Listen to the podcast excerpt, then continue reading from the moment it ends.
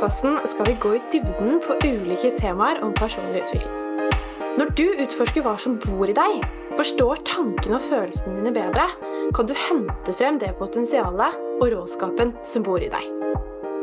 Let's deep dive. Hei, og velkommen til Let's deep dive. I dag er jeg så heldig å få ha med meg Olav. Jeg og Olav ble kjent her på Instagram og fant ut at vi hadde helt sykt mange av de samme interessene i forhold til mindset, personlig utvikling, livet og alt dette her. Og et av de temaene vi har snakket mye om, og som begge er veldig fascinerte over, er dette med kontraster i livet. Altså, kontrastene er vel det som gjør livet verdt å leve. Fordi når vi har jobbet for noe, jobbet skikkelig hardt for noe, nådd et mål eller det føles ekstra godt når du er ferdig, så gir jo det en sånn god følelse. Altså for eksempel følelsen etter en god treningsøkt. Men hva hvis du skulle hatt det behagelig til enhver tid, og bare levd i komfortsona? Hadde det ikke blitt litt kjedelig? Da hadde vi jo ikke fått disse kontrastene i forhold til Eller et spekter av følelser, da. Så det skal vi snakke litt om i dag, og masse annet eh, spennende. Men uh, hei, Olav. Kan ikke du hei, si hei til lytterne? Hei. Olav heter jeg. Eh, tusen takk for at jeg får lov å være gjest i podkasten din. Veldig hyggelig å ha deg med. Og som sagt, dette temaet her er jo noe vi syns er veldig gøy å snakke om. Vi har snakka mm. mye om dette her.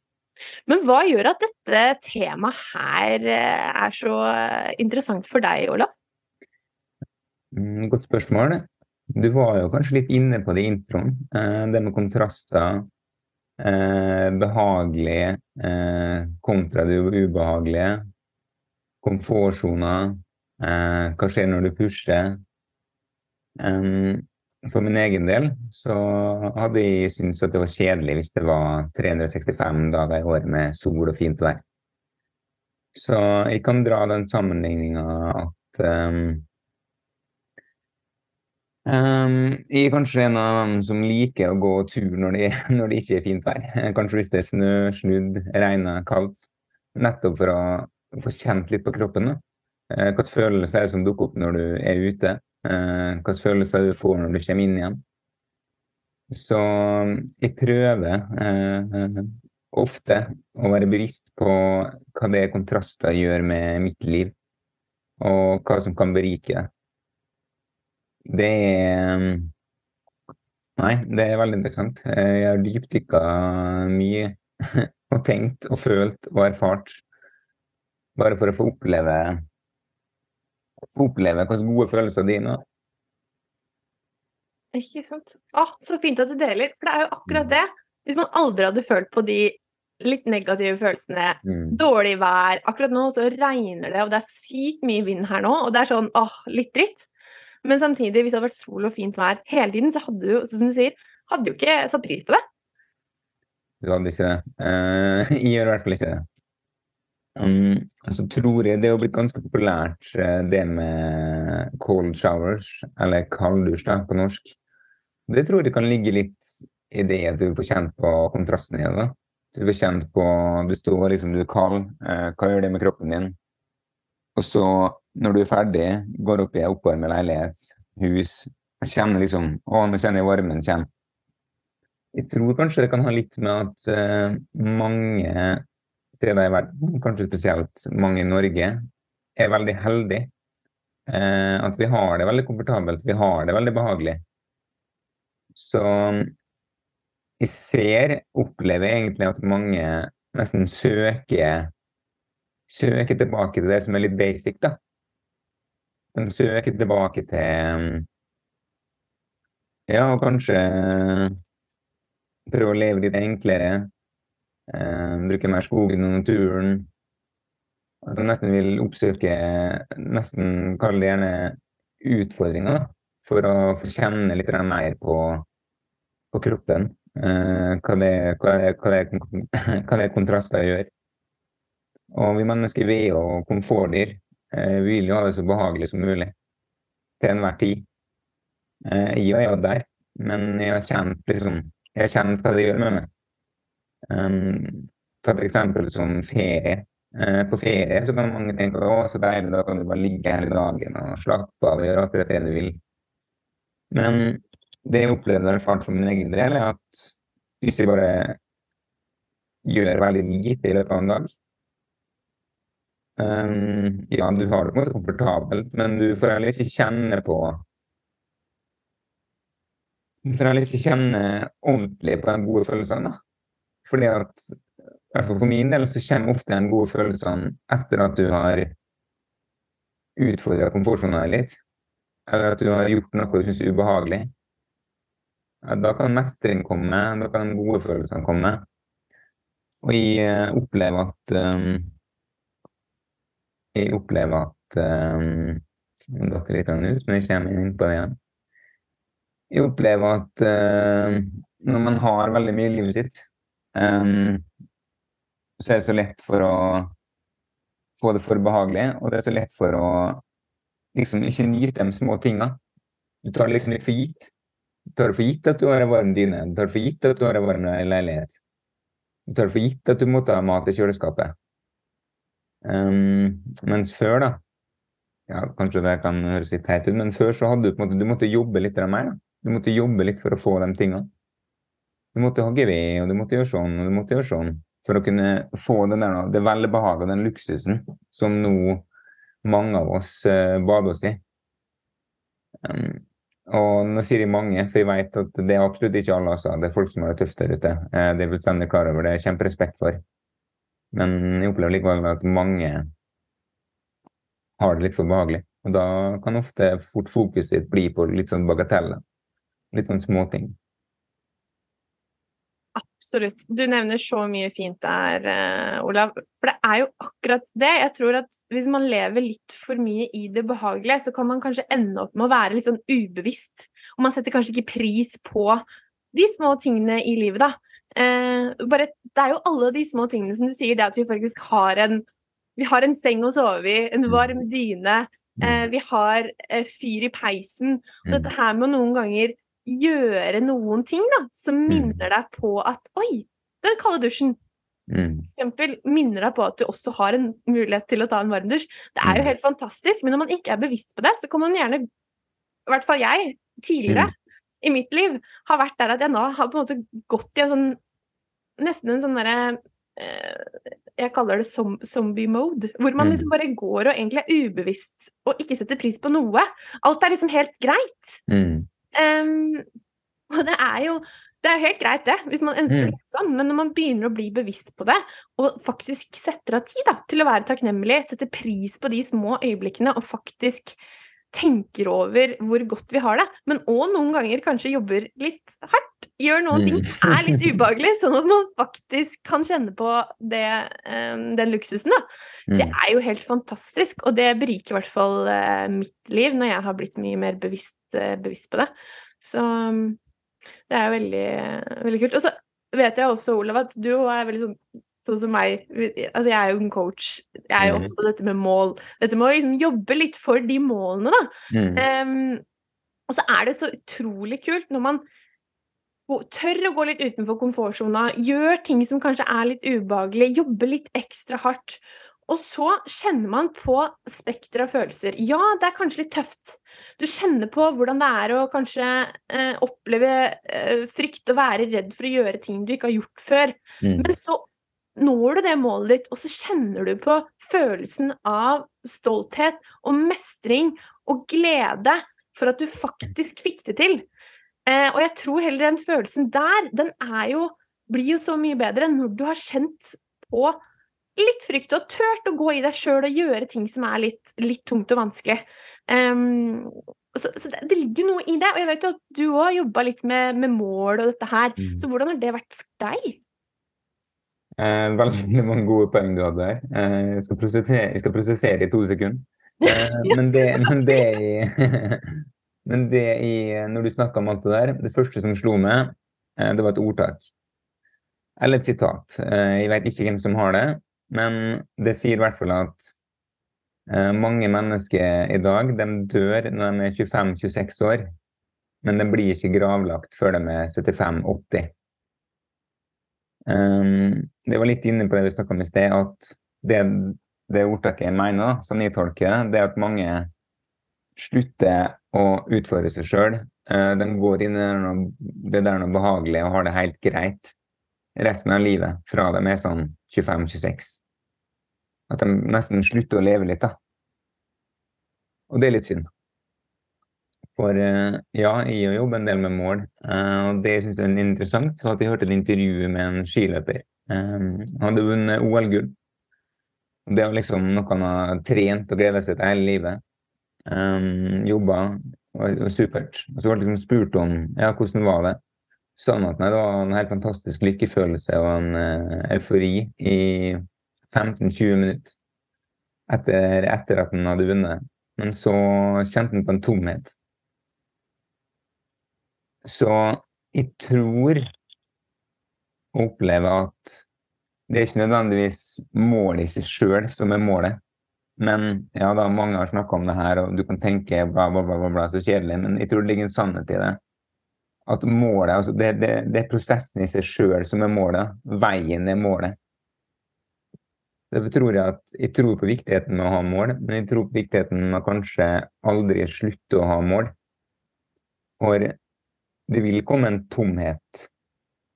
Men da er det så viktig at du på en måte finner et eller annet i livet ditt du kanskje vil være litt mer nysgjerrig på. da. Og det er kanskje ikke alle som vil innrømme at de har mål, hvis du spør dem. Men innerst inne så tror jeg at alle mennesker har mål. Enten ubevisst eller bevisst. Enten uttalt eller at de bare har det inni seg.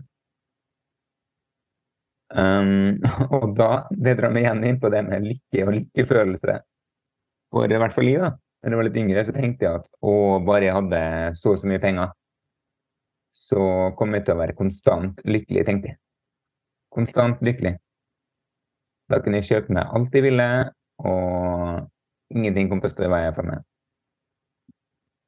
Men etter hvert, da, som jeg har blitt eldre, så har jeg innsett det at det å ha mye penger ikke nødvendigvis gjør det lykkelig. Det er en floskel der, der med penger og lykkelig, jeg veit det.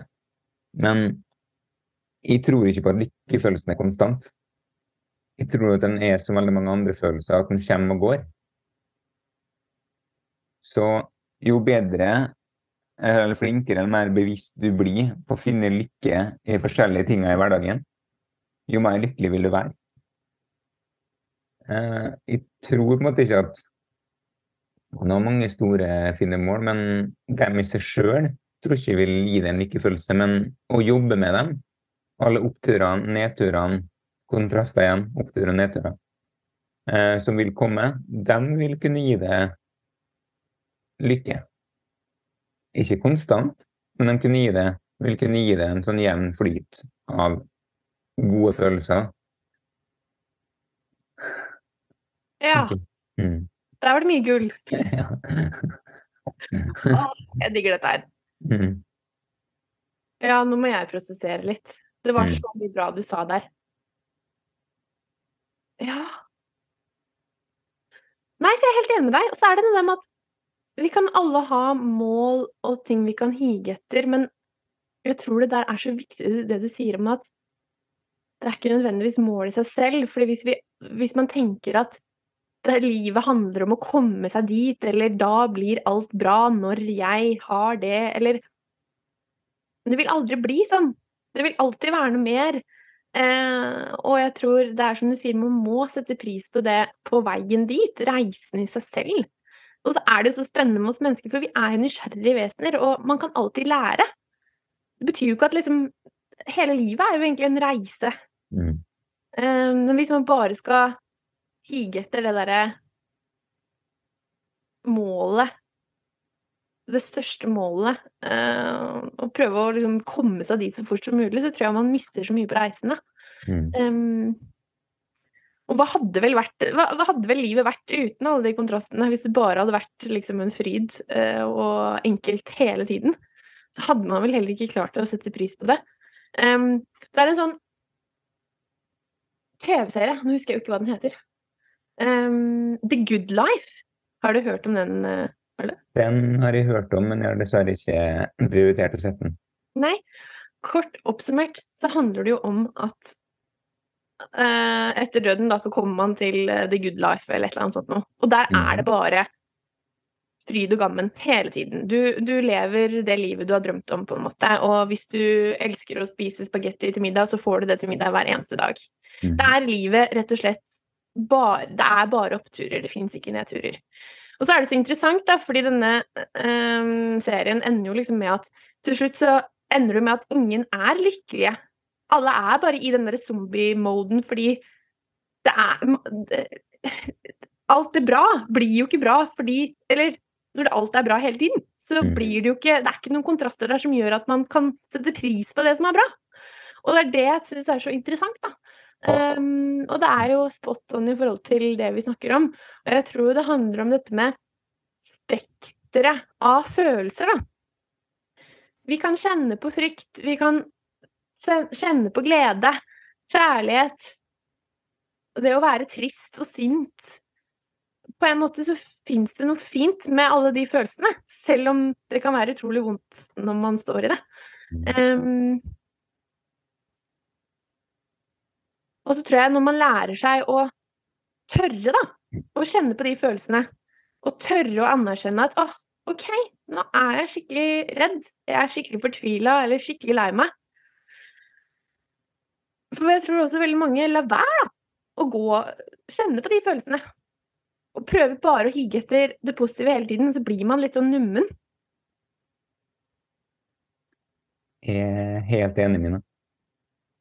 Og jeg eh, når du snakka, så kommer det masse nye tanker eh, inn i hodet mitt. Da. Så jeg måtte notere eh, underveis. Ja, jeg måtte.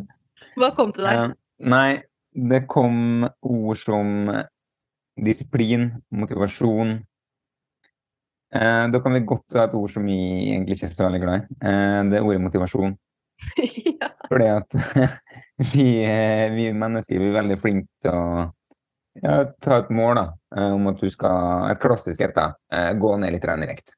Eh, mange har det målet. Og så er det sånn Nei, de er ikke motivert til å gå ned i vekt. De er ikke motivert til å gå ut hvis det er sånn og sånn vær. Det er alltid en, en eller annen unnskyldning og bortforklaring, da. Um, og det er litt sånn som vi snakka litt om i sted, at det med motivasjon Det òg vil jo komme og gå. Eh, jeg tror ikke jeg kjenner noe som er konstant. Ja, du kan ha en viss form for motivasjon sånn konstant, men det jeg vil inn på, er jo disiplin. For det er jo den jeg føler du må stole på. For hvis du på en måte skal nå målet ditt, så må du nesten bare finne ut hva som skal til, og så må du prøve å være nysgjerrig og gjøre ditt beste for å komme dit. da. Så jeg kan godt være med på noen som sier at de ikke er motivert, men jeg kjøper den ikke helt, for det blir veldig lett å si. Og da igjen kom jeg inn på en ny ting. Det var det med vi mennesker vi er ganske artig skutt sammen. Eh, som vi ser det. Ja. Det er ingen tvil om. det er ingen tvil om. For hvis det er sånn at Kan vi bruke eksempelet før når vi har snakket sammen? Hvis det er sånn at du hadde fått beskjed om i morgen at hvis ikke du trente beina dine tre ganger i uka resten av livet, så kom du f.eks. til å miste funksjonen i en av dem, da. Så da hadde du nok mest sannsynlig kommet til å gjort det. Så poenget med det er at det må det må noen ganger altså, Vi mennesker er flinke til å reagere på ting. At hvis du måte, forstår konsekvensen av noe, da gjør du det først. At du OK, ja, selvfølgelig skal jeg trene beina mine hvis det er sånn at de kommer til å miste funksjonen i dem, eller et eller annet sånt. Og da er det aldri snakk om en, Da er kanskje motivasjonen så stor, da, men da er det aldri snakk om motivasjon eller ikke, eller orke eller ikke. Da gjør man det.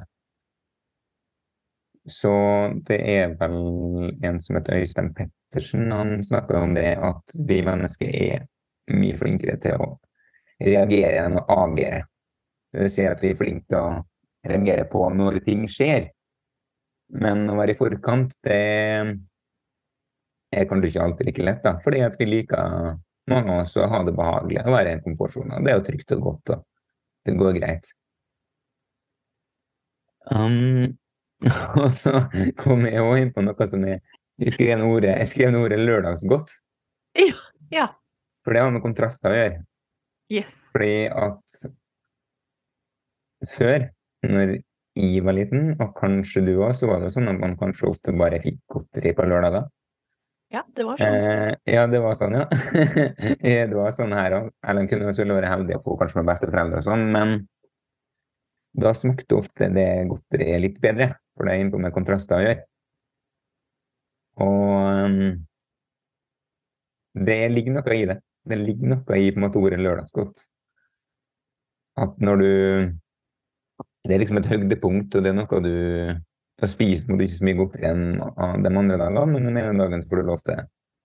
Men nå så har du ofte mange bedre økonomi, og vil jo gjerne gi kanskje barna sine en liten is eller et eller annet, og da blir det ofte til at det blir sånn som du snakker om, at det blir det normale eller litt sånn kjedelig, at du får noe litt sånn hverdag, det blir liksom bare en del av en del av hverdagen. Ja. Nei, det ligger noe der, og det er jo så interessant dette her med nettopp det at hvorfor, hvorfor er vi sånn, på en måte? Eh, og det, og det Både du og jeg er jo interessert i hvordan Mm. mennesker fungerer, hvordan hjernen fungerer og alt dette her, og vi skal ikke gå for, inn, for mye på detalj på det. Mhm. Men um, mye av det handler jo rett og slett om dette her med at vi er skrudd sammen på den måten at vi skal prøve å gjøre minst mulig for å spare energi til de gangene vi må, må gjøre noe, da. Ta action for å overleve, rett og slett. Mhm. Sånn at det å skulle trene, da, for eksempel, eller skulle eh, Selv om vi vet at trening er bra for oss, så hvorfor skal vi egentlig gidde? Det er bedre å spare energi i sånn tilfelle det kommer et rovdyr og, og, som prøver å spise oss, liksom. Mm. Det er jo litt sånn hjernen vår fortsatt er skrudd sammen, eh, Det det. selv om den har utviklet seg, og ting har utviklet seg veldig mye. Mm. Så um, er det noe som sitter igjen der, og det å være litt bevisst på det. Um, og derfor er det ofte sånn at man blir litt lat. Man liker helst å ha det komfortabelt og ikke gjøre så mye unødvendig som føles ukomfortabelt. Men så mener jo du og jeg, i hvert fall, Olav, og kanskje mange mm. andre, at livet blir kjedelig når det er sånn hele Mhm. tiden. Hvis man ikke skaper noen av de kontrastene noen ganger. Men poenget mitt er hvordan kan vi bli mer bevisst på det og skape mer av de kontrastene selv om det føles veldig komfortabelt å være i den komfortsona? Kanskje vi skal snakke litt om det? Ja, det kan vi snakke litt om. Det er veldig interessant. Um, da vil du ofte møte på noe som kalles for motstand. Um, det er nå ofte stemmen i hodet ditt som kan fortelle deg at eh, du kanskje ikke får det til, eller at det kan vente til i morgen, eller at det her er ikke noe for akkurat det. Og det beste måte når du møter motstand, det er å face det. Eh, Det er veldig lett å sitte og si. Nå skal ikke jeg si at det er noe forbilde eller noe som helst sånn slags figur, men jeg har i hvert fall erfart og gjort meg en del tanker rundt det med motstand, da. Som er kanskje det som hindrer folk flest i å begynne med noe de har vært litt spent på eller har utsatt lenge. Eh, Det går jo an å tenke at den motstanden den kommer til å komme. Eh, For som du snakka om, vi vil ha det så behagelig som mulig. Og du vil kanskje ha litt eh, negativt selvsnakk om det sjøl før du begynner med noe. Men i hvert fall det jeg har erfart, da, det er jo at du trenger ikke å vite alt om en ting før du starter. Ja. Vi har en tendens, kanskje vi mennesker tror jeg, til å ville være litt sånn verdensmestere eller vite alt om en ting før vi tør å begynne på det. Men det som er så bra, det er jo at vi lærer jo masse underveis. Det er jo helt supert. Og vi er jo kloke og smarte, og vi klarer jo å lære underveis. Og vi klarer jo Ja, det vil dukke opp hinder, men du vil jo kunne finne løsninger på de hindrene. Vil du? Så jeg veit ikke om jeg har noen tips til å komme seg ut av komfortsona. Eh, det er jo ikke enkelt. Hadde det vært lett, så hadde jo alle gjort det. Um, og jeg jobber jo med det sjøl uh, veldig ofte, og jeg møter veldig ofte motstand òg. Og det er jo ikke alt en velger å gjennomføre, men hvis en bare prøver, prøver å få gjort litt For den der gulrota i enden, den mestringa, den godfølelsen, kanskje den nye egenskapen du tillærer deg, den er veldig ofte verdt det. Og da får du virkelig kjent på følelseslivet ditt og kontrastene dine når du starter på ei sånn, ja, kall det reise. Absolutt. Nei, jeg syns det var fint det du sa, Olav, for det er noe med at man, noen ganger må man bare starte, selv om det er litt ubehagelig.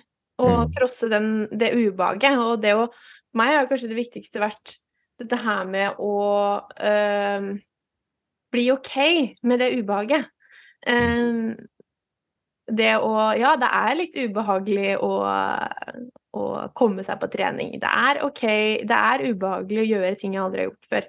Men det, når du lærer deg å forstå at den følelsen der, den er ikke farlig, den kommer til å gå over, eh, og du bare klarer å takle den, så er mye, mye gjort. Og så er det så utrolig kult etterpå, når du bare vet at det der, det gruer jeg meg til, det der syns jeg var skummelt, eh, det var å gå utenfor komfortsona for meg, så er det så innmari deilig følelse etterpå, da. Mm.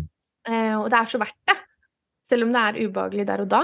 Um, og jeg synes det er noe må på en måte bringe det litt inn i hverdagen. da. Skape de kontrastene i hverdagen. Um, hvis du har et mål, noe som kanskje du brenner for, eller noe du uh, En drøm eller noe du har lyst til å gjøre som du kanskje ikke tør å gjøre, så er det kanskje skummelt å hoppe ut av komfortsona med en gang og ta det steget. Men om det er Du kan begynne med én liten ting, da. Mm. Um, jeg har brukt mye et sånn coachingspørsmål som jeg prøver å stille meg selv hver gang jeg, eller hver morgen når jeg går min lille bevisstgjøringstur, som jeg kaller det. Mm. Det er hva er den ene lille tingen jeg kan gjøre i dag som føles litt ubehagelig, men som tar meg et skritt nærmere målet mitt. Og den er litt fin, fordi hvis jeg utfordrer meg selv på det hver dag og gjør én liten ting Det trenger ikke å være liksom the big deal hver dag, men én liten ting som føles ubehagelig. Og når du blir liksom vant til å gjøre ting som er litt ubehagelig hver dag, så er det litt lettere. Om det er så å ta en kald dusj, ikke sant. Altså det å bare stå der, ok, kjenne det på kroppen, liksom. Eh, ta den treningsøkta som du har grua deg til. Eh, ta den telefonen og ring en eller annen venn eller eh, en potensiell ny klient, ikke sant. Det er de små tingene der. Send den mailen som du skulle ha sendt for to uker siden. Det er et sånt fint lite hack, syns i hvert fall jeg, da. Og jeg er helt enig med deg. Du sier veldig mye klokt. Det er derfor det liker så godt å snakke med deg. Eh, men sånne små, enkle ting, sånn som det spørsmålet du stiller deg, bare for å bevisstgjøre det sjøl. Um, og jeg har også inntrykk av at vi mennesker er kanskje mest viljestyrke på morgenen. Ja. For da har vi tatt færrest valg. Og da Et tips kan jo være for mange å skrive den der vanskelige mailen eller ta det der noe litt ubehagelige valget tidlig på dagen, da. For det første så er du jo ferdig med det. Eh, og for det andre så vil det kanskje være litt større sannsynlighet for at du gjennomfører det. Vil det.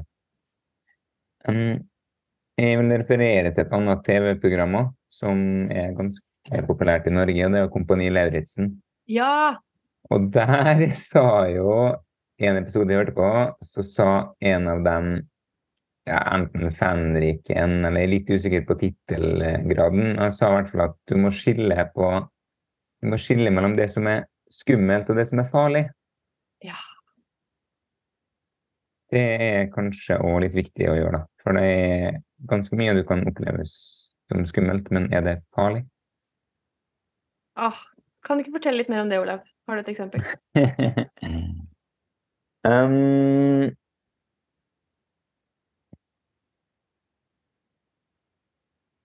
Ja, det har jeg. Eh, sove ute i telt en natt i Norge eh, alene. Det vil jeg tro ganske mange vil synes er skummelt. Ja. Men jeg vil ikke påstå at det er farlig. Eh, ja, vi har ulv og bjørn, men det er veldig få, og sjansen er veldig, veldig liten. Da er det større sjanse for for at andre ting skjer med det ellers i hverdagen, enn at de skulle dukke opp. Absolutt. Så det er nok et forskjell, det er nok et eksempel på ting som kan være skummelt, oppleves som det, men uh, ikke farlig. Det er akkurat det. Fordi at her er det så interessant hvordan hjernen vår prøver å spille et spill med oss. Mm. Og der er et så bra eksempel. Mm. Um, fordi at det, det som er interessant Når jeg studerte sosiologi, Mm. jeg tok ett år med det helt i starten av karrieren min, eh, og vi hadde et fag som handlet om eh, Det var type Jeg husker ikke helt, men altså det handla om risikoanalyser osv. osv. Og da hadde vi om det hva som faktisk er mest farlig, og hva som er um, Hva er mest sannsynlig at du kan dø av, da, hvis vi bruker det som eksempel. Mm. Og veldig mange for eksempel er jo redde for ting som på en måte er så usannsynlig at skal skje. Mm. Men vi begir oss ut på ting hver eneste dag som faktisk er ganske Som vi ikke er redd for i det hele tatt, å ikke ta seriøst. Som kan være ganske stor risiko. Så det er jo kjempeinteressant. Som for eksempel Nå har uh, dette eksempelet kanskje blitt litt utdatert, fordi vi har fått mye sikrere biler, men for eksempel det at vi kjører hver dag uten problem, kjører rundt, det er noe vi ikke er redd for. Men vi kan være livredd for å øh, holde en presentasjon, f.eks. Og Mm. der er det så mye frykt involvert. Og hva er faktisk, hva er faktisk mest farlig? Ikke sant? I forhold til, uh, i forhold til hva som uh, Hva vi kan Hva er mest sannsynlig at vi dør av? Så noen ganger så er de der spørsmålene litt sånn fine å ta med seg, fordi at her Følelsen av uh, frykt er ikke alltid, alltid helt uh, riktig i forhold til hva som faktisk er farlig. Så det var et uh, sykt bra eksempel. Uh, og noe å kanskje ta med seg når man kjenner på den fryktfølelsen. Da. Når man kjenner på den og føler at åh, dette her, dette er skummelt. Men er det egentlig farlig? Um, da er det et lite innspill til det med å holde presentasjoner eller snakke foran folk. For det mener jeg å ha lest at er det folk eller mennesker frykter aller, aller mest. Ja. Um, og da tror jeg ikke nødvendigvis at det er fordi at de er redd for at de kan dø av det. Nei. Da er det mer, da er det mer den der, der faren for at kanskje at de vil dumme seg ut, eller at de ja, at de skal si noe dumt eller gjøre noe dumt. Og at du føler deg så eksponert og naken. da. Mm. Men igjen, jeg tror det meste kan øves, altså. Du skal ikke si at hvis du bare gjør det nok, så vil du bli komfortabel med det. Det er ikke sikkert. Men veldig mange ting vil du bli mer komfortabel med jo oftere du gjør det. Absolutt. Ja. Og så noen ganger, eh, ja Være litt sånn Utforske litt hva ligger Hva er det du egentlig er redd for? For ofte så er man ikke bevisst på det. Jeg er redd for å holde en presentasjon, men hva er det du egentlig er redd for? Mm. Eh, og når du går litt mer inn i deg sjøl og blir bevisst på de tingene der, Mm. Så um, er det ganske gull verdt. Så det, det anbefales absolutt. Alle de tingene vi sitter og snakker om nå. Um, alt det logiske vi kommer med, og den fine forklaringen vi har på ting, det er nok ganske lett å tenke ja, det å minne seg nå, ja, det var smart. Eller det Olav sa, ok, det var klokt. Eh, sånn går det an å tenke rundt det, ja. Men det er jo forutsatt at man er bevisst, og ikke minst er rasjonell.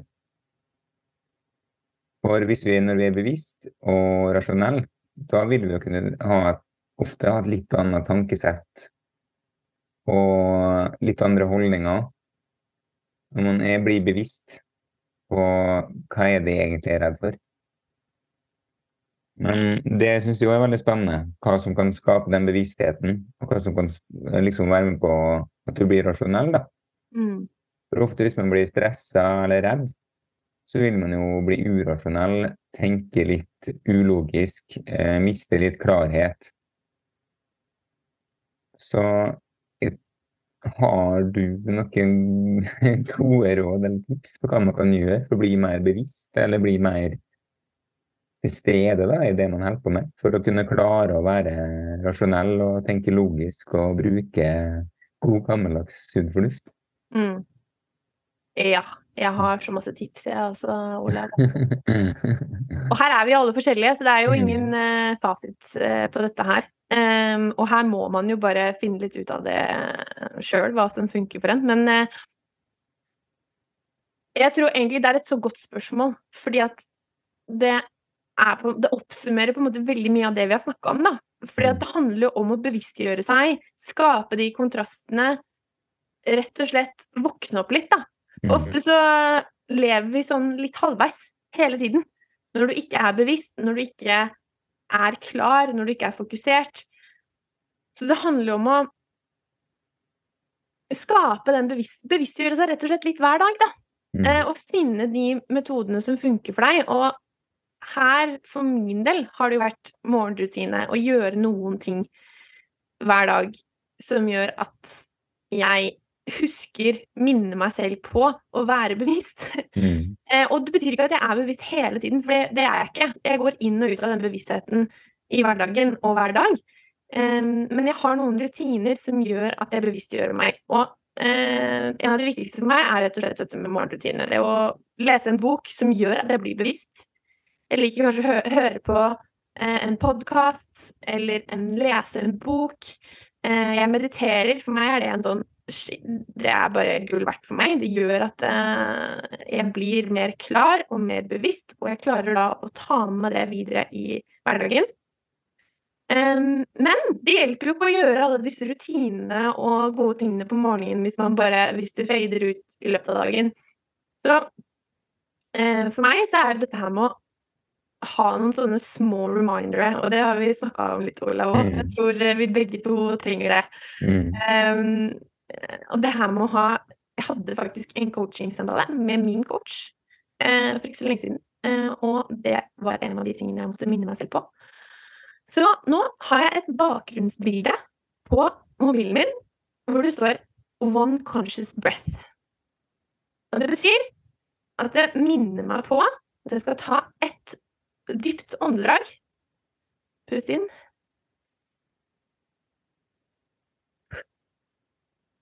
og ut. Og det minner meg på at nå er jeg her.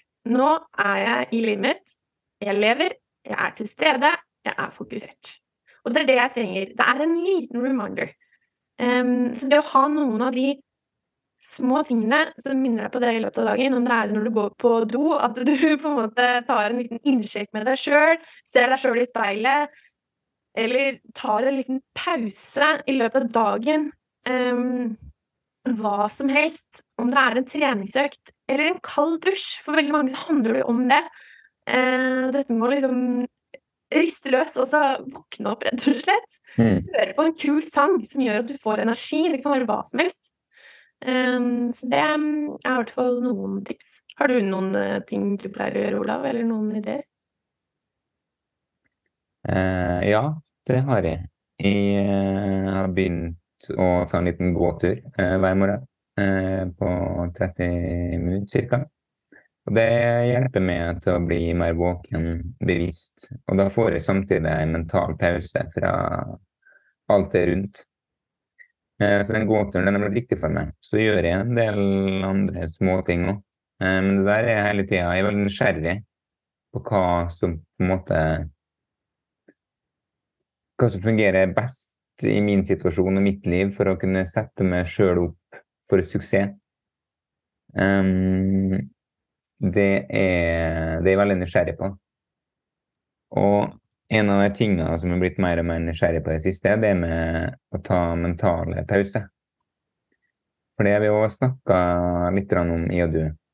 Og mitt inntrykk er at i verden i dag så har du Du blir eksponert for veldig mye, eh, veldig ofte. Um, sosiale medier som Snapchat, TikTok, Instagram du er på en måte, Hvis du vil, da, så kan du være påkobla noe hele tida, 24-7. Uh, du vil alltid få nye inntrykk. Og da har jeg lest, og egentlig litt erfart og opplevd òg, at hjernen på en måte aldri får seg pausene som vi hadde så mye av før. Eller i hvert fall flere. Du hadde pause hvis du satt på bussen, kunne du ha. Du hadde pause hvis du satt på legekontoret og venta. Du kunne ha pause hvis du sto i kø. Mens nå, da, så er det veldig fort gjort at folk eh, tar opp mobiltelefonen sin, og så er de påkobla et eller annet i de der nå rommene der kanskje hadde vært mest, mest gunstig å ha en mental pause. Så vil nok kanskje noen argumentere med for at ja, men for meg så er det, er det pause å ta opp telefonen og kunne scrolle. Og det skal jeg ikke si noe på godt men det er for noen som fungerer det. Men jeg tror at for mange så vil det kunne fungere å legge inn litt sånn mentale pauser. Det høres kanskje litt sånn avansert ut, komplisert ut. Å, jeg mental pause, hva må jeg gjøre da? Må jeg meditere i 15 minutter? Må jeg gjøre sånn? Må jeg gjøre sånn? Nei, det tror jeg er ganske individuelt. Um, det kan være å legge fra seg telefonen og kanskje ta frem en bok. Det kan være å gjøre husarbeid. Det kan være å ta en treningsøkt. Altså, det kan være egentlig nesten det du vil, da. Så lenge du føler at du får pause. At hodet ditt får, får, pause fra inntrykk og eksponering. Og at du ikke, kanskje ikke er tilgjengelig den tida, da. Så det Nei, jeg, jeg har blitt veldig interessert i det, det med mentale pause. Fordi mm, da har vi jo snakka litt om det med å planlegge tid og tidsstyring. Og før så er jeg kanskje mer opptatt av å fylle opp min egen kalender kanskje litt for full. At jeg var litt optimistisk i forhold til hva som var realistisk å få til. Mens nå så har jeg blitt bedre på å planlegge altså store, gode mellomrom. da. Til å ha pause, til å kunne hentes inn igjen, til å få kobla litt mer av. Sånn, og da vil det har jeg opplevd da, at jeg blir mer fokusert og konsentrert på det, på det jeg holder på med seinere. Så jeg tror kanskje det er litt underkommunisert ennå hvor viktig det er med mellomrom og gode pauser i hverdagen. Og at du ikke føler at du må gjøre noe bare for å gjøre noe. Og være opptatt bare for å være opptatt Det tror jeg i det lange løp ikke er noe suksessformel. Men uh, jeg vet ikke hva du tenker rundt det. Åh, helt enig. Altså, jeg sitter her og nikker og bare Ja, enig. Det er så bra det du sier.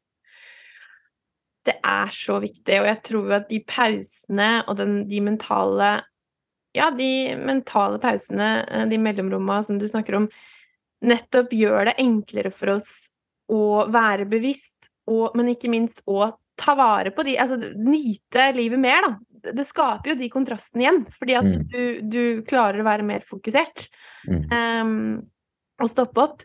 Så jeg tror det er så gull, gull verdt. Uh, og For livet kan gjerne bare Det kan bare bli borte i en sånn derre Hva skal jeg si En sky som bare Hvor du ikke egentlig er til stede, og er, du bare lever i det derre Du løper i det hamsterhjulet hvor hverdagen bare går uten at man stopper opp eller setter pris på noe. Det bare forsvinner litt, da, uh, i alt. Og jeg tror jo at hjernen vår har behov for pauser. Um, vi trenger også å rense Hva skal jeg si Eller skape oss klarhet i alle de inntrykkene vi får da, i løpet av en dag. Og noen ganger bare, som du sier, gå en tur, bare for å, å ikke gjøre noe. Bare la tankene få lov å vandre, og la hodet få lov å jobbe, uten at du bevisst eksponerer eh, hjernen din for mer input, fordi det er input hele tiden. Så jeg tror det der er utrolig viktig for å skape et godt mindset og skape fokus og tilstedeværelse. Ja. Ja, jeg er helt enig. Um, det er et sånn enkelt spørsmål som jeg kan um, prøve å stille meg sjøl på morgenen, da. Det er jo hva Hva kan du gjøre i dag for at du skal kunne legge deg med en god følelse om kvelden? Og så har jeg prøvd å bli like godt den der at å bli 1 bedre hver dag. Bare 1 eh, Det er vel vanens makt, som boka heter på norsk. De snakker om det, at bare 1 hver dag, liksom. For du trenger ikke å gape over eller gjøre så veldig mye, men hvis du endrer rutinene eller vanene dine bare litt i dag, og fortsetter med det, så om 365 dager, eller 90 dager, eller 120 dager, så vil det bli Altså summen vil bli veldig stor. Så du trenger ikke å snu opp, opp ned på livet ditt for å få til det du ønsker. Du må bare du må bare, faktisk. Du kan bare prøve å gjøre ting litt annerledes. På en litt annen måte. Eh, bytte ut ei vane. Prøv å sette sjøl opp for suksess. Nå er det veldig lett for meg, eller for meg, for mange, å dra treningseksempelet. Men hvis du planlegger da at du skal på trening på tirsdag, og kvelden før da, så finner du frem treningsklærne dine, Altså Med en gang du ser dem dagen etterpå, da, så vil jo hjernen din koble det til et signal om at ja, du skal på trening.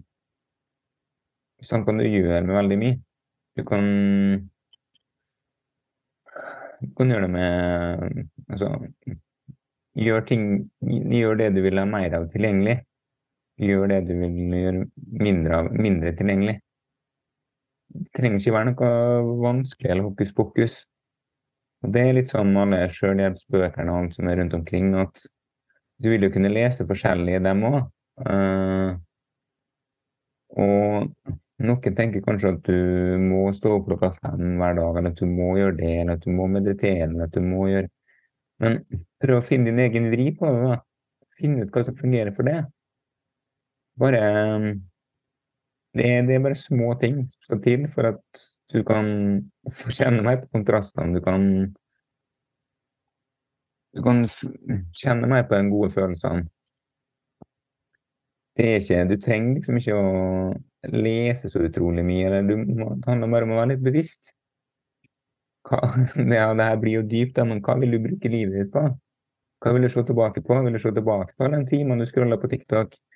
Eller vil du se tilbake, se tilbake på at du kanskje heller avtalte et møte med en venn, eller at du gjorde noe som faktisk betydde noe for deg? da. Og det kjenner jeg med meg sjøl, at jo eldre jeg blir, altså, jo fortere går tida. Ja. Og ja, igjen en floskel og alt det der, men du Du har liksom bare den tida du har, da. Hva vil du bruke den til? Vil du gå rundt og være halvfornøyd? Ja, OK, supert, det. Hvis det fungerer for deg, kjempegreit. Skal ikke drømme noen. Jeg skal ikke dømme noen, det er helt greit, jeg. Du føler det er trygt og godt, og alle har forskjellige forutsetninger og kommer fra forskjellige bakgrunner og alt det der.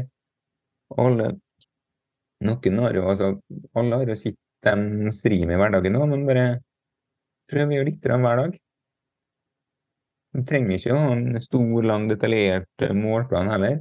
Du kan velge å dypdykke hvis du vil, men start med noe enkelt.